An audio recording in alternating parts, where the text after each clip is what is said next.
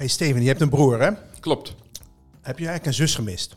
Nou, dat geloof ik niet zo, een zus gemist. Wat ik wel leuk had gevonden, is een wat jonger broertje te hebben. En dan niet een jaar jonger, maar dan drie, vier. Dat je echt een beetje over, over zo'n ma- zo'n mannetje kan ontfermen. Had ik wel leuk gevonden, denk ik. Het liever willen zorgen.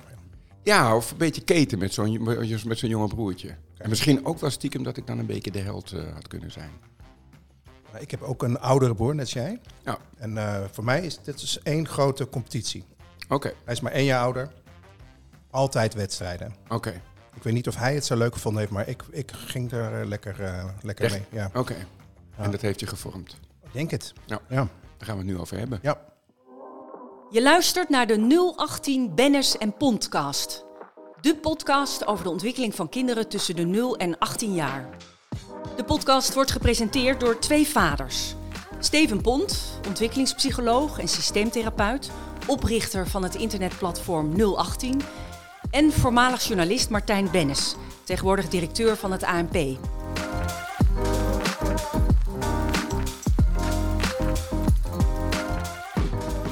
Steven, we hebben het over broers en zussen vandaag. Ja.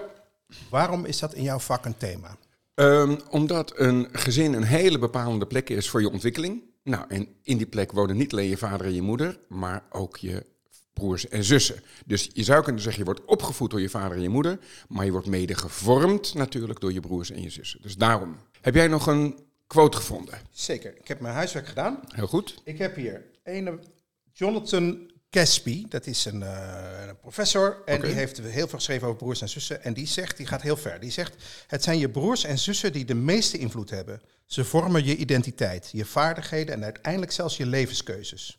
Dus dat is pittig, hè? Dat is zeker pittig. En niet waar, maar daar komen we nog op. Oké, Steven, nu komen de serieuze vragen, hè? Oké? Wat in jouw woorden is de betekenis van broers en zussen voor de ontwikkeling van een kind? Eh, het is je allereerste vergelijkingsmateriaal en ook je belangrijkste vergelijkingsmateriaal. Dus eh, je zet jezelf een beetje af tegen je broer. Wat jij ook zei, die competitie. Dus jij bent gevormd vanuit die competitie. En dat doen broertjes en zusjes ook. Maar ouders doen dat natuurlijk ook. Stel je hebt een kind, hè, die is de grappigste van het gezin.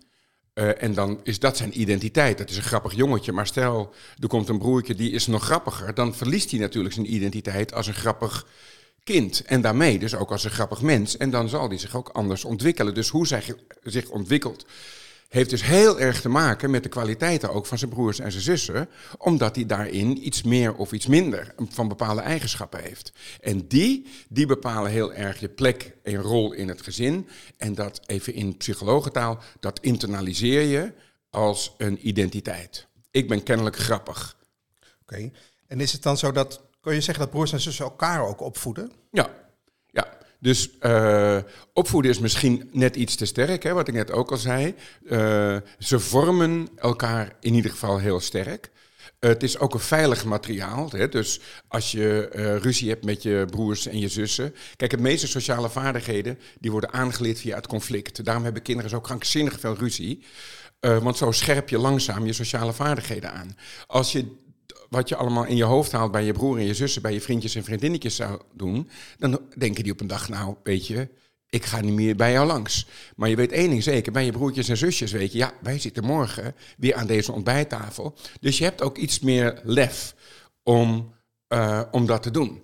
Dat zie je trouwens op heel veel tegeltjes staan die ik gevonden heb. Hè? Dus broers en Oh. zussen zijn er altijd voor je. Die zijn Ja. er altijd, ook als het, vooral als het moeilijk is. Ja, precies. Hè? Dus je, kunt naar, je, je knokt naar binnen, maar je beschermt naar buiten. Even één uitstapje naar de, de kinderen die geen broers en zussen Ja. hebben. Hè? Dus als het zo invloedrijk is, Ja. die quote van net, maar als het zo invloedrijk is, wat betekent dan als je geen broers en zussen hebt? Nou, eigenlijk niet zoveel. Eh, er is heel veel onderzoek gedaan natuurlijk van eh, naar enig kind. Hè, die zouden zelfzuchtiger zijn of die zouden moeilijker zijn. Dat wordt eigenlijk niet gevonden. Tegelijkertijd worden die natuurlijk ook gevormd. Alleen niet door hun broers en zussen, maar door klasgenoten, buurjongetjes. Ook weer natuurlijk de vader en de moeder. Dus het is niet zo dat als je geen broers en zussen hebt, dat je geen identiteit ontwikkelt. Het is wel zo dat als je broers en zussen hebt, dat die een grote invloed hebben op jouw identiteit. Dus ze zijn heel erg aanwezig in je leven en daarmee ook in je ontwikkeling. Steven, wij hebben allebei een, een oudere broer. Ja. Maar wat betekent de samenstelling van het gezin. Dus broers, zussen, of heel veel zussen. Of eh, wat betekent dat voor Ja. de ontwikkeling van een kind? Eh, nou, als je in een groter gezin zit, dan neemt het de, de, de, de rivaliteit tussen de kinderen, wat we ook wel sibling rivalry noemen, hè, dat is een mooie Engelse term. Wij hebben eigenlijk geen mooie term voor broertjes en zusjes, de Engelsen wel, siblings. En jij En vindt brusjes... Je, Brusjes, ja, nee, dat vind ik niks. Maar, eh, en rivalry wil natuurlijk zeggen rivaliteit. En alleen al het feit dat er een naam voor bestaat, wil natuurlijk al zeggen dat het echt eh, iets is binnen gezinnen. En wat je net terecht ook al zei, als je gaat vragen van goh, hoe gaat het gezinsleven thuis, dan binnen vijf minuten heb je het over de conflicten tussen kinderen en hoe je die eh, kunt eh, verlagen. Maar eh, daar komen we nog op. Maar we weten dus, grote gezinnen is die rivaliteit minder dan dat je maar met z'n tweeën bent. Dat is ook eigenlijk wel logisch, omdat dat je dan je enige maatje is of je, eigen, je enige speelmateriaal. En je kunt eigenlijk niet aan diegene ontsnappen. Als ik nou een zus had gehad, en was ik dan een ander mens geweest? Was ik dan, had ik dan misschien beter met vrouwen om kunnen gaan of zo? Wellicht, of slechter. Eh, dat weet je natuurlijk niet, want dat hangt heel erg af van de kwaliteit van de relatie met dan die imaginaire zus. Dus we weten niet wat voor soort mens dat geweest zou zijn. En jij had je ook weer gevormd rond die zus. Dus je ziet bijvoorbeeld, stel, het was een gehandicapte zus geweest. Dus dan was je misschien eh, opstandiger geweest, omdat je had gevonden dat er wel heel veel aandacht naar die zus was gegaan. En dan had jij, eh, nou, had je, had je andere kwaliteiten ontwikkeld, of je was misschien zorgzamer geweest, dat weet je natuurlijk niet. Dus je kunt het niet voorspellen, maar dat. Eh, eh, welke invloed dat gehad zou hebben, maar dat het invloed gehad zou hebben, dat is wel aannemelijk. En geldt dat ook voor leeftijdsverschillen? Als je het jongere broertje bent of juist oudere broer, is daarvan bekend? Eh, Dat we, als de leeftijden dicht op elkaar zitten, dus we zien het het meeste tussen 2 en 4 en tussen 10 en 15. Dus eigenlijk in de twee puberteiten, de peuterpuberteit en de, en de gewone puberteit zou je kunnen zeggen, dat daar de rivaliteit eigenlijk het hoogste is. Vooral als de kinderen qua leeftijd dicht op elkaar zitten, wat natuurlijk ook wel logisch is. Hè, wat ik net zei van, ik had wel leuk geleken om een jonge broertje te hebben van ja, drie, vier jonger. Niet een jonge broertje van een jaar jonger, want dat was misschien iets te veel competitie geweest dan. Uh, en uh, van hetzelfde geslacht. Daar zien we ook dat de competitie en de, die, die rivaliteit waar ik het net over had, dat die daar hoger is dan bij uh, broertjes en zusjes apart. Ouders willen het natuurlijk goed doen. Hè? Dus Ja. wat kan je als ouder doen om de relatie tussen broers en zussen goed Ja. te maken of goed te Ja. houden? Ja, nou het allereerste, dat staat echt op nummer één, is dat je kinderen niet met elkaar vergelijkt. Dus dat je niet zegt, eh, kijk nou maar even naar je broer, of doe dat nou maar net als je broer, hè, maar je broer kon dat op die leeftijd wel. Al dat soort dingen, die voeden eigenlijk alleen maar die rivaliteit. Want wat is de basis van die rivaliteit? Is het idee dat je broer of zus boven jou wordt gesteld. Dat is je grote angst. Wat natuurlijk ook logisch is, eh, als je het eventjes eh, eh, in de geschiedenis bekijkt, er was niet zo heel veel eten. En er was veel meer gevaar. Dus dat je hoog op de lijst bij je ouders stond, was wel echt van belang. En nu is natuurlijk alles in overvloed. Maar die angst dat we onderdoen voor ons broertje of zusje, dat zit er natuurlijk nog heel erg sterk eh, in. Dus als je gaat merken dat je, dat je ouders gaan vergelijken en zeggen, nou eigenlijk doet hij dat, doet hij dat beter op dezelfde leeftijd, hoor, dan eh, voed je enorm de rivaliteit. Want dan gaat dat kind natuurlijk niet heel erg veel van zijn broertje houden, want die ziet hem als de grote rivaal. Dus dat ten eerste. Fout nummer één. Sorry? Fout nummer één, noem Fout, ik vind het fout nummer één, ja. ja, ja, ja, ja. En dan in de meer oplossende zin. Hè, dus eh, zorg ervoor dat je als gezin heel veel samen doet. Dat er heel veel interactie is, zodat het ook normaal wordt om met elkaar om te gaan. Ook in de aanwezigheid van je vader en je moeder, die dat dus ook een beetje kunnen reguleren. En niet alleen dingen samen doen, maar juist ook apart. Je kunt je voorstellen als een broertje of zusje geboren wordt en alle aandacht gaat daarheen dat zo'n kind een beetje een hekel aan het broertje of zusje krijgt. Want een nieuwgeborene die zet natuurlijk alles op zijn kop. En wie is de schuld? Dat is dat broertje of dat zusje. Dus dan is het van belang dat je met je vader of je moeder ook nog dingen apart doet. Wederom, om niet alleen maar het idee te hebben, ja, die is eigenlijk belangrijker eh, dan ik. Hè. Dus moet je je voorstellen dat jij komt op een dag thuis en eh Gaby, jouw vrouw, zegt tegen jou, Martijn, ik vind, het, ik vind jou als man zo leuk. Ik heb nog een man in huis genomen. Dan wil ik jouw reactie wel eens zien. Spannend idee. hè? Spannend idee. En denk je, ja, maar dat, dat is eigenlijk wat we met kinderen doen. Hè? We verbreken het sociaal contract. Voor een kind is het papa, mama en ik. Nou, ging hartstikke goed. En plotseling komt er iemand bij. Ze zeiden dat dat leuk zou worden. Maar je ziet plotseling al die aandacht naar dat wurm toe gaan. Dus daar, heb, daar ontstaat eigenlijk al de eerste uh, spanning. En daarom is het van belang dat een kind ook blijvend voelt: ja, ik heb een broertje of een zusje gekregen. Maar ik, doe ook, ik sta ook nog steeds op de kaart bij mijn ouders. Dus je portie aandacht een beetje gelijk verdelen. Precies. En af en toe wat alleen doen. Ook omdat als je wat met het hele gezin gaat doen, dan pas je het niveau natuurlijk vaak aan op de jongste. Dus uh, uh, als je met je oudere kinderen wat dingen doet die bij oudere kinderen horen, dan, uh, nou, dan verstevigt dat de band en het idee van oké, ik sta ook nog steeds bij jullie op de radar en het hele gezinsleven speelt zich niet alleen maar af om de jongste heen. Dus als je een kind hebt die dat heel veel zorg nodig heeft, dat gebeurt natuurlijk wel, gehandicapte ja. kinderen, dan, dan moet je extra van bewust Precies. zijn van uh, wat, wat heeft het voor een effect op de andere ja. Ja, want dat krijgen we dus heel veel terug in de gezinstherapie. Dat kinderen dan voelen dat ze geen positie meer hebben in dat gezin.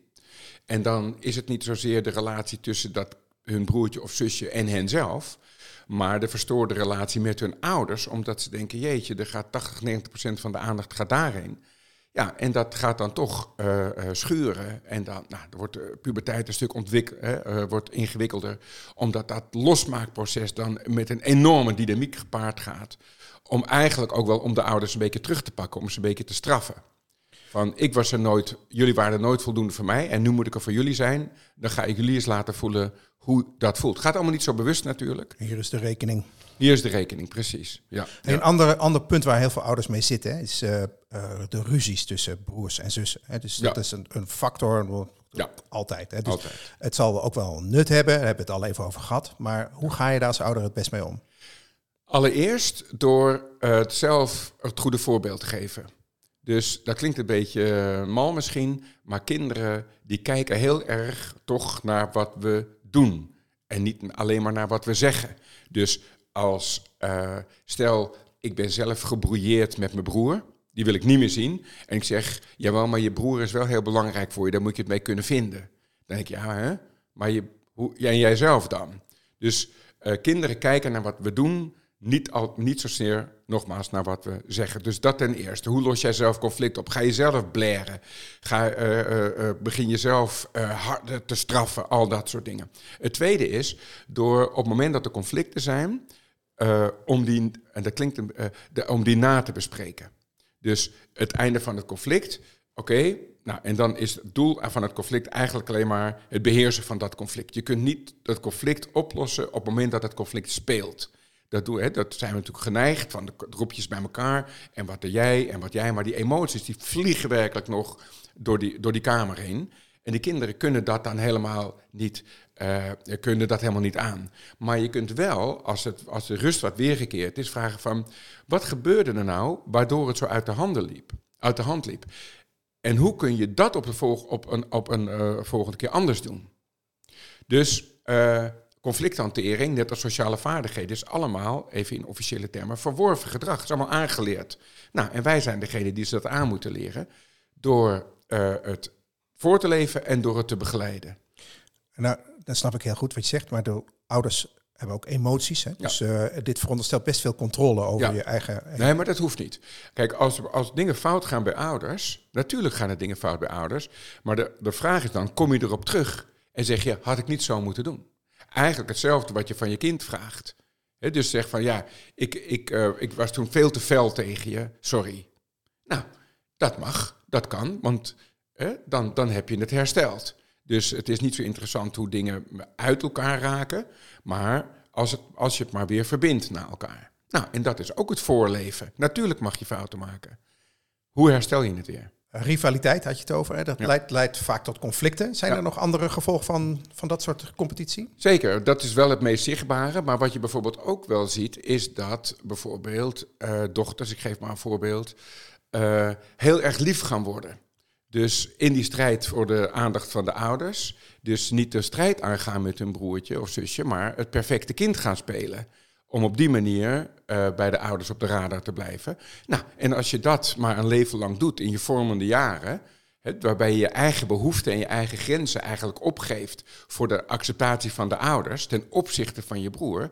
En je bent dan 22, 32, hè, dan, dan neem je die patronen, neem je mee je volwassenheid in. Dit is natuurlijk lastig voor ouders om, om te zien. Hè? Dat ze Ja. een kind misschien net even te perfect probeert te doen. Ja. Hoe, als je het wel door hebt, wat, wat is dan je, je manier om daarmee om te gaan? Nou, door te vragen van ben je, wa- waarom word je nu niet boos? Of ben je nu niet boos? Of, hè, dus zodra elke emotie is goed. Kijk, je mag boos zijn, alleen er zijn verschillende manieren waarop je je boosheid uit. Dus je mag niet de bloempot door de kamer gooien. Maar als je boos bent, of teleurgesteld of verdrietig, is allemaal goed. Elke emotie is goed. En als je merkt dat kinderen inderdaad de perfecte dochter of zoon gaan spelen, kun je afvragen van hè, maar ben je nou echt nooit boos of verdrietig? Of speel je dat je nooit boos of verdrietig bent? Nou, en dan is het heel goed om het daar eens over te hebben. Andere vraag. En dit is, eh, je hebt natuurlijk heel vaak mensen uit elkaar gaan en dan weer een nieuwe partner vinden. En Ja. daar zijn ook weer kinderen bij, dus samengestelde gezinnen. Ja. Lijkt mij best complex. Hè? Dat Ja. je alles bij elkaar brengt en al die dynamiek, die, de oude en de nieuwe. Ja. Wat zeg je daarvan? Ja, een, samengesteld gezin is enorm ingewikkeld. Omdat die posities waar het uiteindelijk over gaat, je hebt eigenlijk twee stammen die je samenbrengt. En zolang de druk laag is, dan vloeit het meestal wel. Maar zodra de druk hoog wordt, zien we toch dat ouders hun eigen kinderen eh, ja, toch voortrekken. En omdat de, als de ene ouder dat idee maar heeft van de andere ouder, dan heeft hij het idee dat, die, dat diegene weer voor zijn of haar eigen kind moet gaan staan. Dus eh, eh, 50% van de samengestelde gezinnen explodeert ook weer uiteindelijk. En dit is een van de belangrijke redenen, omdat de hele dynamiek van die twee stammen die je probeert te laten fuseren, eh, dat dat heel erg ingewikkeld is. Kun je, ik snap dat het complex is hoor, maar kun je iets zeggen van eh, eh, eh, hoe daarmee om te gaan? Mensen zijn zich vast bewust dat het moeilijk is. Ja. Heb je dan één of twee uitgangspunten, regels of zo van probeer dit eens? Ja, ik denk dat het heel goed is om één keer in de week met elkaar te eten en dit op de agenda te zetten. Hoe gaat het eigenlijk met ons? En eh, dus werkelijk het fusiegezin, die fusie met elkaar te bespreken. En dan kunnen ook conflicten die zijn ontstaan gedurende die week, kunnen beter begrepen worden, omdat ze daar worden uitgesproken. Dus wat speelt er dan allemaal? En daarmee, eh, kijk, je moet natuurlijk oppassen dat het niet eens een of andere therapeutische leefgemeenschap wordt, een gezin. Maar hier moet je daar echt wel aandacht voor hebben. Want alles wat je niet boven tafel bespreekt, zijn enorme krachten onder tafel, hè, die in de onderstroom. En die zijn enorm bepalend, niet alleen voor de kwaliteit van de relaties, maar kwaliteit van relatie betekent ook de kwaliteit van de individuele ontwikkeling van de kinderen in die relaties. Nou, en daarmee is het het waard om het met dat soort dingen, eh, om, om die dingen met elkaar te bespreken. Ga je, normaal gesproken eh, leef je zo'n 15 jaar of 20 jaar met je broers en zussen. Daarna word je volwassen, dan ga je, Ja. ga je het huis uit. En eh, dus wat, wat betekent het feit dat je zo lang met elkaar in een dynamiek hebt gele- ge- geleefd? betekent dat voor de rest van je leven? Een deel neem je natuurlijk mee naar de buitenwereld, maar het allerbelangrijkste deel, het grootste deel, blijft eh, achter in, het, in je gezin, wat we het gezin van herkomst noemen. Ik ken een mooi verhaal. Volgens mij was het Gerrit Salm, die was ooit minister van Financiën en die heeft een oudere broer. En Gerrit Salm was natuurlijk minister en excellentie en wat dan niet, maar had een oudere broer en die stond op de markt. En als Gerrit Salm terug naar zijn gezin van herkomst ging, dan zei zijn oudere broer, hé hey Gerritje, haast even een biertje. En dan stond Gerrit op en ging Gerrit een biertje halen voor zijn oudere broer. Dat waren patronen die in dat hele gezin zo waren ontstaan. En, eh, en, en dus ook nog op hoge leeftijd eh, gedrag bepaalden. En we zien ook dat zo'n 30% van volwassenen leidt nog onder de rol die ze vroeger hadden in het hele gezinssysteem. En dan met name in de relatie die ze met hun broers en zussen hebben, omdat die dus meegetrokken worden. En dat zie je bijvoorbeeld ook hier als de druk omhoog gaat. Bijvoorbeeld eh, de ouders overlijden, er moet een erfenis bepaald, be- bepaald worden. Of eh, moeten ouders eh, naar een vervolgplek of niet. En dan, dus de een is dan 46 en de ander is 44. Dus dat leeftijdsverschil is niks. Hè? Maar alleen de oude patronen komen dan weer naar voren. En dat de 46-jarige dan toch vindt dat wat hij of zij zegt meer gewicht in de schaal legt dan wat zijn of haar broertje of zusje in de schaal legt. Nou begon ik net met een quote van die Ja. professor Caspi. Ja, Dat het zo alles bepalend is. En Ja. toen zei jij, dat is niet waar. Eigenlijk geef je net aan dat het wel heel veel doet. Zeker, maar ik ging op het woord alles in. Het is niet alles bepalend. Dus het is bepalend voor je. Zeker als je terugkeert in je gezin van herkomst. Daar spelen die patronen door. En een deel daarvan speelt ook in je leven buiten het gezin door. Maar alles bepalend is te ver, is, gaat te ver. Want je eh, hebt ook leeftijdsgenoten. En je hebt je vader en je moeder en je opa en je oma. Eh, soms eh, een, een, een buurman die iets tegen je zegt wat heel bepalend voor je leven is. Dus het is bepalend, maar niks in de psychologie is alles bepalend. Nou, een paar dingen gehoord. Eh, die ruzies tussen mij en mijn broer was onderdeel van de trainingsarbeid. Het, eh, en de, van, de, van de rivaliteit hoort erbij.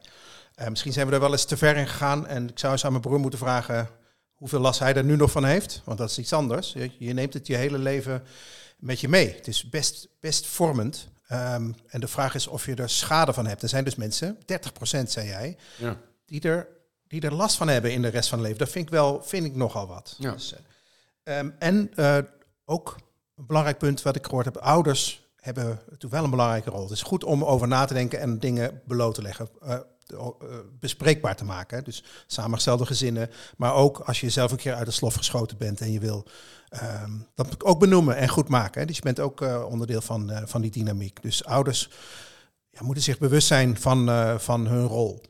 En, en, en de kinderen niet tot elkaars voorbeeld maken. Dat, is ook een hele grote. Ja, niet zeggen, Pietje, kijk nou eens naar Pietje. Ja. En die eh, snapt het tenminste. Ja. Dat lijkt me ook een goed advies. Je hebt geluisterd naar de 018 Bennis en Podcast. Heb je vragen of suggesties? Mail dan naar podcast.018.nl. 018 schrijf je als NUL en dan het getal 18.